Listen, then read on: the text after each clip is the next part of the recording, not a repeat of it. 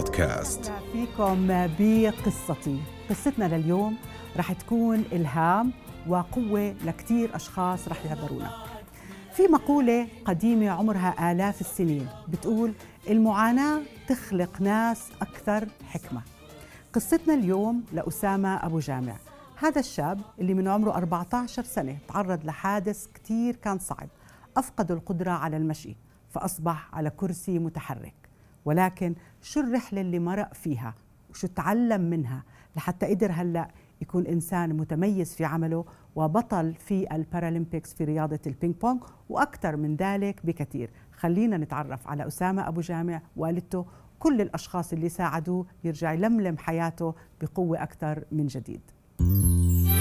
هذه قصتي.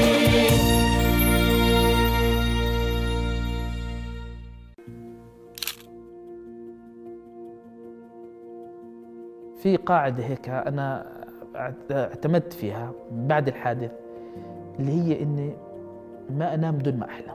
كل ما أمشي بموضوع أسامة يبدأ يعطيني حافز أكثر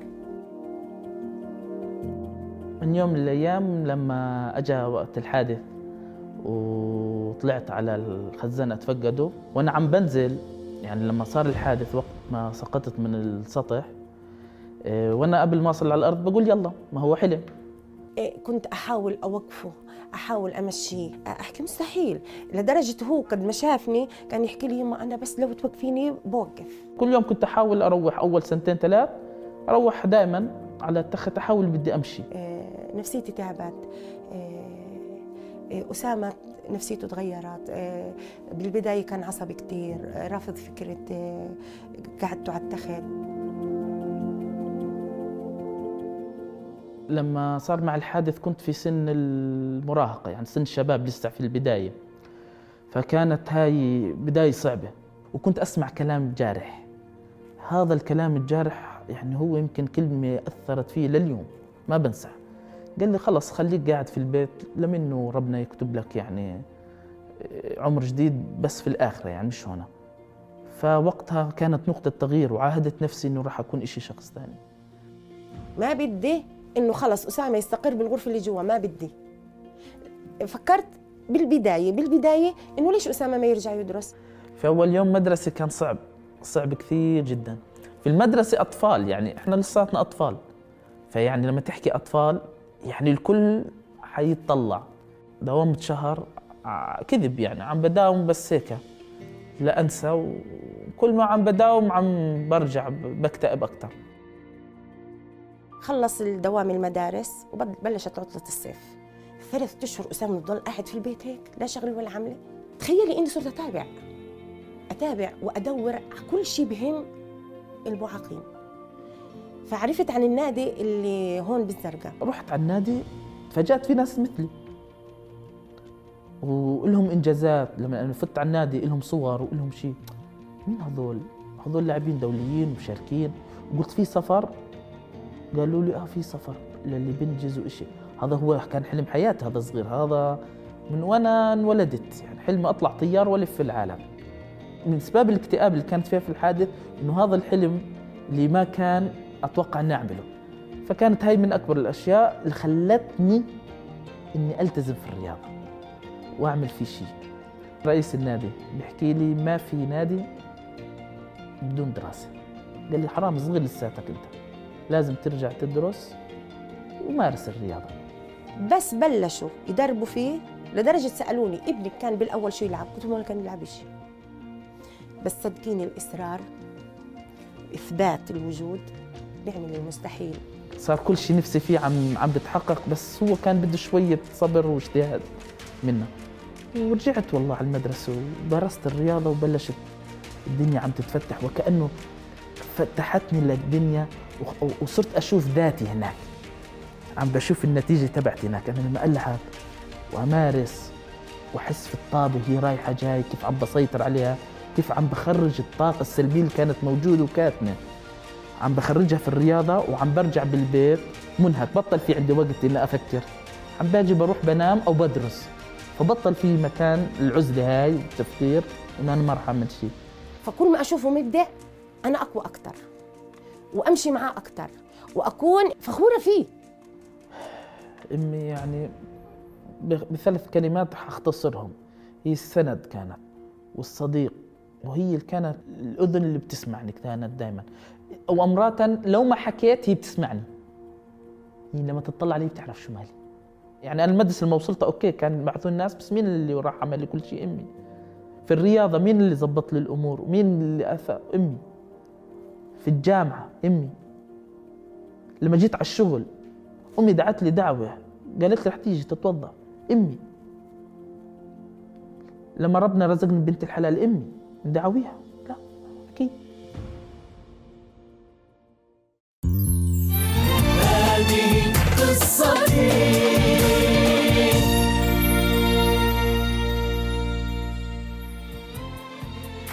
رحبوا معي ببطلنا لليوم أسامة أبو جامع. أهلا وسهلا فيك أسامة. أهلا فيك يا ستر أهلا. وبنرحب كمان بالمستشارة الإرشادية هيلينا الصايغ. أهلا وسهلا هيلينا. أهلا رندا. أهلا, أهلا. فيك. أسامة لما شفنا قصتك كتير صعبة وما كانت سهلة أكيد. أكيد. بس قديش أخذك ما بين إنك أنت صار معك الحادث لقدرت ترجع تنهض بحياتك وتلمها من جديد؟ إيه، هي كانت يعني بداية صعبة. مم. يعني أخذت مني حوالي ثلاث سنين. وأنا في حالة انعزال بشكل عام عن الناس عن العالم يعني بشخص غير مقتنع في الشيء اللي صار. مم. فكانت تجربة يعني بدايتها كانت كثير صعبة مم. كثير صعبة من جميع النواحي يعني إشي جديد دخل في حياتك تغيرت حياتك بشكل جذري ما كنت تتوقع إنه حيصير معك مثل هيك شيء وهذا إشي من الله يعني أكيد ونعمة هاي من نعمة علينا. الحمد لله دائما لازم نحمده على على السراء قبل ال- الإشي الخير يعني. آه. ف يعني كانت بداية صعبة. صعبة. إن شاء الله. إن شاء الله. الحمد لله. إنه حاولنا يعني حنطلع طلعنا طبعاً. منها يعني. أنت الحمد إنسان لله. عظيم واللي شفناه من عائلتك وكل الناس اللي دعموك إنسان عظيم. آه، هيلينا هلا علم النفس يعني عم بسعى دائما بلاقي في أبحاث كثيره على الصدمة وتأثيرها على الناس. فخلينا نشوف يعني شو هي المراحل اللي عادة الناس بيعيشوها بيمروا فيها بعد أي بشكل صدمة؟ عام بشكل عام في ثلاث مراحل أساسية بيمروا فيها. بالبداية بيكونوا بصدمة يعني بصدمة إنه مش قادرين يصدقوا مش قادرين يتعاملوا مع الموقف. فبنلاقيهم يا ساكتين وما عم بيعملوا أي شيء أو بيصيحوا بيبكوا بيصرخوا أو ممكن بتمهم يحكوا ويحكوا ويعيدوا شو اللي صار معهم. هاي كمرحلة الأولى وبعدها ما تقعد ممكن ساعات أو أيام بيبدأ يطلع بعض المشاعر اللي هم بيشعروها. المرحلة الثانية هي لما بيحاولوا يفهموا شو صار معهم. بدهم يحاولوا إنه يعرفوا إنه هل هذا له مغزى له هدف ليه هيك عم بيصير معي؟ إذا قدروا يستوعبوه ويتفهموا بمروا بعدين بمراحل الحزن. إذا ما قدروا بمروا بمرحلة كتير صعبة بنسميها الاضطراب ما بعد الصدمة أو الكرب ما بعد الصدمة اللي هم بيصير عندهم غضب يأس حزن خوف قلق اكتئاب أي شيء من هدول المراحل اللي عن جد بيعانوا منها وممكن يقعدوا فيها أسابيع وأشهر وبعض الناس حتى أكثر سنوات. بعدين ليمروا بهاي المرحلة الثانية بدخلوا بالمرحلة الثالثة اللي هي التقبل هاي المرحلة اللي خلص بدهم يمشوا بدهم يعملوا التحويل بدهم يعملوا التغيير بحياتهم بدهم يمشوا لقدام فبتقبلوا وبيبدوا يتعافوا وبتبدأ مرحلة جديدة كتير منيحة بحياتهم لأنه بيكونوا طلعوا من الصعب كتير ودخلوا النور دخلوا المرحلة اللي فيها التغيير الحقيقي. آه، طيب أسامة هلأ أنت أكيد كان في دور لناس كتير ساعدوك زي ما شفنا أكيد. بالقصة لقدرت تتقبل وترجع تنهض من جديد. ولكن لما كنا عم نحكي أنا وياك أكثر من مرة آه، وصفت لي حياتك يعني قبل ما يصير الحادث وحياتك بعد ما رجعت لملمت حياتك وصار عندك تقبل. شو بتلاقي الفرق بحياتك قبل وبعد؟ هلأ آه، قبل حياتي شخص عادي يعني ما كان عنده أي نشاط يعني مثل أي حدا موجود. صدقا بعد الحادث تغيرت حياتي بشكل جذري. هلا أنا حكيت إنه ثلاث سنين كانوا صعبين وفيهم يأس كثير مثل ما حكت ست هيليا بس آه، عن جد آه، خلت لحياتي قيمة. يعني أنا صرت مميز على هذا الكرسي وكانها علامة امتياز. يعني خلتني مميز عند الناس. لأنه أنا نمت أو كشفت عن مواهب باطنة أنا ما كنت أعرفها. فهذا إشي إيجابي. رائع. بعد ما أنت قبل أنت نفسك مش متقبل الإشي اللي أنت فيه. تمام. طب هلنا ليه بيختلف من شخص لآخر؟ يعني في ناس مثلا بياخذهم سنوات في ناس أقل في ناس ما بيطلعوا منها بالمرة. شو بيفرق؟ هي عدة عوامل. آه، بالبداية آه، نمط حياتهم بالبداية. إذا في شيء اسمه صدمات تراكمية إذا كانت حياتهم صعبة وفيها صدمات متفرقة بنلاقيهم بتصعبوا أكثر شيء ثاني نمط الشخصية. يعني أنا كثير حبيت بأسامة كيف بحكي نمط شخصيته. هو إيجابي منطقي بده يعمل بده يطلع. فنمط الشخصية كثير مهمة. شيء ثالث البيئة الداعمة. وهذا من أهم الأشياء وإحنا نعم شفنا من قصته قد إيه ناس وقفوا معه. البيئة الداعمة الإيجابية اللي بيكون في بالعائلة ناس مثل أعلى له هدول كثير بيساعدوا الواحد يطلع. شيء ثاني كمان مهارات الحياة. قد إيه هم بالحياة عندهم مهارات تأقلم مهارات المثابرة مهارات الإبداع؟ حتى حكى أسامة شيء رائع إنه كيف اكتشف أشياء باطنية عنده. مم. فهاي الأشياء المهارات الحياتية كثير بتساعد. عشان هيك كثير مهم التربية لأنه لما نربي أولادنا يكتشفوا حياتهم إذا واجهوا لا سمح الله أي ظرف بيطلعوا منه. والشيء الخامس المهم كثير طلب المساعدة. اللي بمروا بالصعوبات وعندهم الجرأة وعندهم الشجاعة وعندهم آه، الفهم إنه يطلبوا المساعدة بيطلعوا كثير أسرع من غيرهم. هو واضح كان عنده مساعدة النادي اللي راح عليه دائما بيشيد بمركز فرح للتأهيل. قد إيه كان في المساعدة المعنوية مركز الفرح من ناحية نعم. يعني العلاج الطبيعي. والتأهيل النفسي بعدين الاندماج الاجتماعي لما دخلت في الرياضة هذا هو أصلا يمكن كانت البوابة للشيء اللي أنا كان موجود. آه صدقا. صح. يعني هي بتنمي الروح. رائع. اذا بنشكر وجودكم معنا المستشاره الإرشادية هيلين الصايف الرائع البطل أسامة أبو جامع. بنحييكم الله يسعدك. خليكم معنا اليوم. نصائح اليوم رح تكون كيف الأشخاص كيف يتعاملوا مع الصدمة لحتى يقدروا يطلعوا منها.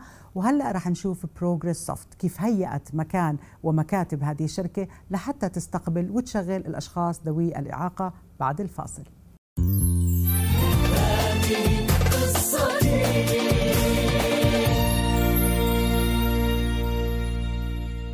وإذا عم تتساءلوا شو اللي بيخلي أسامة أبو جامع يكون عنده هاي الثقة في النفس والمعنويات العالية؟ سبب إنه بالفعل لقى نجاحه. وشركة ProgressSoft اللي هيئت مكاتبها لحتى تقدر تستقبل أسامة أبو جامع وأي شخص آخر عنده إعاقة حركية. خلينا نشوف أسامة أبو جامع بشغله بشركة ProgressSoft في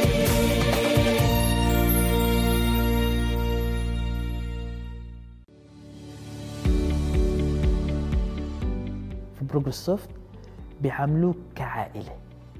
أنا بعتبره بيتي الثاني عن جد. الناس هاي احتضنتني بطريقة عن جد يعني ما راح ألاقيها في أي مكان. وكان أصلا المبنى عندهم مهيأ. قال بدنا ناس تشارك هاي ال environment في الإنجاز في في التطوير. فلما شفت شافوني وعملوا مع المقابلة قالوا لي إحنا بدنا نستمر معك. وهم وفروا لي كل الدعم. وهلأ هم كمان sponsor لإلي. في الرياضة عم بيدعموني وعم بيسمحوا لي أطلع وأروح وآجي وأمارس رياضتي يعني. فقدمت كثير ProgressSoft وأنا ممتن لها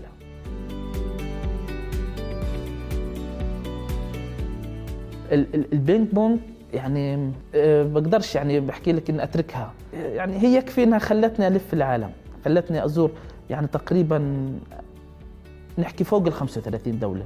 خلتني ألف العالم كله على ال wheelchair. ألبس واغير واجهز حالي وأصحى بكير وأطلع البطولة. بطل في حدا معي في البيت يساعدني. هذا كمان له كان دور نفسي كبير فيا.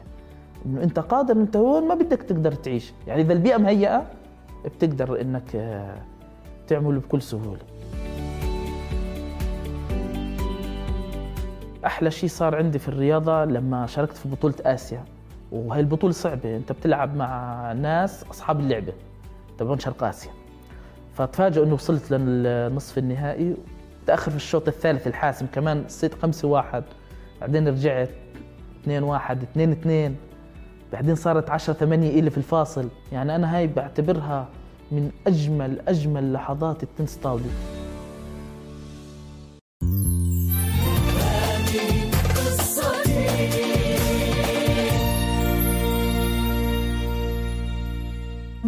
بنرحب بسيد خليل عسل مدير الموارد البشرية بشركة ProgressSoft أهلا وسهلا فيك أهلا وسهلا خليل. فيك. يعطيك العافية. الله يعافي عمرك. خليل يعني كل الاحترام لمؤسستكم لشركتكم لأنه أنتم بال 2016 قررتوا إنكم بدكم توظفوا أشخاص ذوي إعاقة ولقيتوا إنه مكاتبكم مش مهيئة لهي الأشخاص. صحيح. فهون قررتوا قبل ما توظفوا بتهيئوا المكاتب. نعم. فاحكي لي كيف هيئتوها. يعني إحنا ب 2016 لما أخذنا هذا القرار درسنا كل التعديلات اللي ممكن نعملها بالشركة. على أساس نكون يعني ضمن المقاييس العالمية ملتزمين فيها. فبلشنا بالمكاتب تبعتنا كان الارتفاعات تبعتها عدلنا عليها بحيث تناسب أي حدا من ذوي الإعاقة. بعدين عملنا برضو حمام مهيأ لذوي الإعاقة. عملنا كمان كافتيريا جديدة إلهم. كافتيريا الارتفاعات كلها مناسبة أي حدا من ذوي الإعاقة بيقدر يستخدمها بدون ما يحتاج مساعدة أي حدا. هي بتكون مهيئة لكل الموظفين بس الأولوية لذوي الإعاقة فيها. وبرضه عدلنا كل المداخل بحيث ما يكون في أي عوائق بيقدروا يدخلوا بكل سلاسة وسهولة وبرضه حتى الارتفاعات تبعت كبسات المداخل برضه مناسبة لهم وآخر شيء هي برضه آه، مصفات الدخول كمان مهيئة لهم لذوي الإعاقة. يعني أسامة أنت كنت كثير مبسوط إنه بتقدر تصف سيارتك وتقدر تضلك طالع على المكاتب. آه أكيد. مش هيك؟ والكافيتيريا أنا عجبني إنه بس رحت زرتكم إنه الكافيتيريا كل أصحابك قاعدين معك صفة الكافيتيريا لازم تكبروها. آه بيجوا. لأنه أكيد ومعك يحيى كمان. يحيى نعم. طيب. هلأ أسامة يعني الناس شافوا قصتك وأكيد تأثروا وكل الاحترام لك بس بحب أعرف هيك منك شو حلمك بالحياة؟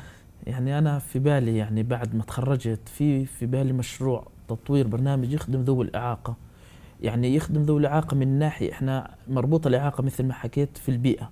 يعني برنامج يخدم ذوي الإعاقة في تسهيل أمور حياته البيئية وإنه يقوم في واجباته بدون أي صعوبات يواجهها. يعني هذا أنا البرنامج يعني عمال بكتب تقدر تحكي في الدوكيومنت تاعته.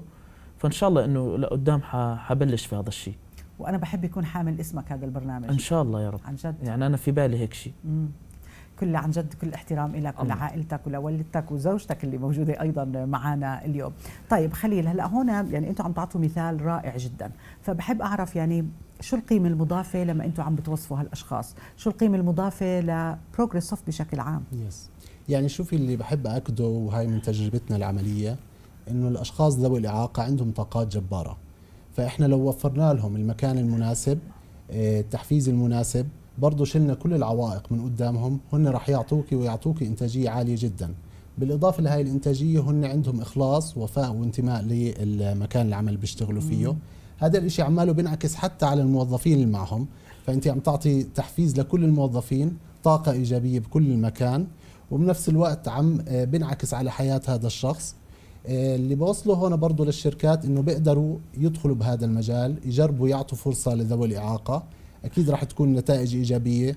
يمكن أولها في بدك يكون تكلفة مالية إذا بدك تعدل على المبنى أو هذا بس أنا اللي بأكده من تجربتنا إنه المردود الإيجابي على المدى البعيد هو بيكون أعلى بكثير من هاي التكلفة المالية. مم. بالإضافة إنه إحنا كمان جزء من المجتمع فإحنا عمالنا بنأدي رسالة للمجتمع اللي بننتمي له وهاي الشغلة بتخلي الموظفين تبعونا عندهم ولاء أكثر للشركة عملائنا برضه ولائهم أكثر للشركة. آه، الشغلة الأخيرة اللي حابة أحكيها إنه برضه إحنا زاد عندنا المقبلين على العمل بالشركة لأنه لما وفرنا هاي الفرصة صار في فكرة عامة عند الناس إنه إحنا بنوفر لكل فئات المجتمع فرص عمل من ذوي إعاقة من الأمهات العاملات فصار برضه ازداد عندنا هاي الموضوع وانعكس علينا إيجابي. رائع جدا. بحب أسمع كلمة أخيرة منك أسامة لكل شخص هلأ عم بمرق بظروف صعبة. يعني أنا بتمنى يعني من أي شخص يعني واجهته صدمة واجهته عتبة في حياته السلبيات اللي محيطه فيها. يعني لازم هاي الأشياء يحاول يتخطاها في لو فشل مرة ومرتين وثلاثة بالنهاية حيكون في باث معين لازم يمشي فيها لحتى يتعدى هاي المصاعب. زي ما في صعوبات في كمان تسهيلات. فأكيد بيكون في مخرج لأي صعوبة بتواجهها ولازم تكون إيجابي ولازم دائما تحلم. أنا بظن أحكيها الشخص لما يوقف بطل يحلم بطل يجهز الإشي اللي هو بتمناه أو اللي بفكر فيه صدقا حتبلش حياته روتين وممكن الإشي اللي هو وصله من تمام يبلش يخسره. لا بالعكس خليك طموح خليك طماع في النجاح. رائع. طبعا. وكل واحد بيحصل بهاي الحياة على ما يطمح له. أكيد. شكرا لك أسامة أبو جامع. شكرا لك سيد خليل عسل مدير الموارد البشرية بشركة بروجريسوف خليكم معنا نصائحنا اليوم مقدمة من المستشارة الإرشادية هلنا الصائغ كي شو نعمل؟ أو الأشخاص اللي بيمرقوا بالصدمة شو يعملوا لحتى يقدروا يتعافوا ويطلعوا منها؟ خليكم معنا.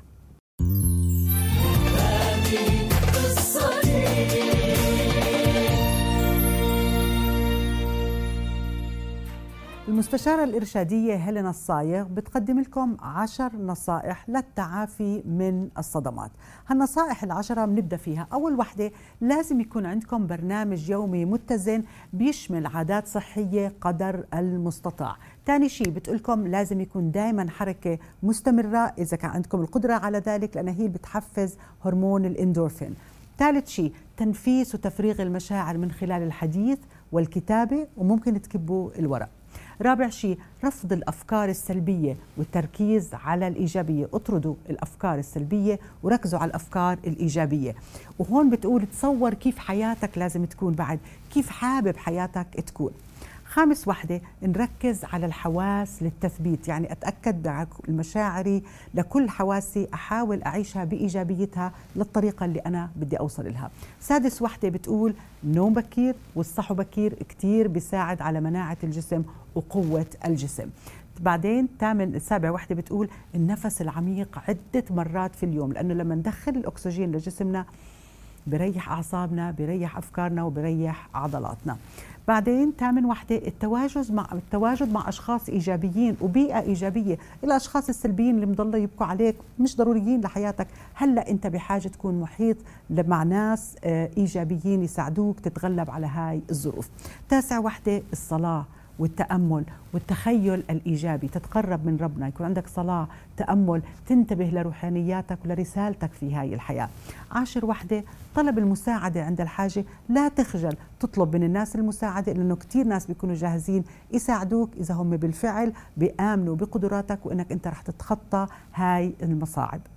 نتمنى تكونوا استمتعتوا بحلقتنا لليوم. بنشوفكم بحلقة قادمة من هذه قصتي. الله معكم.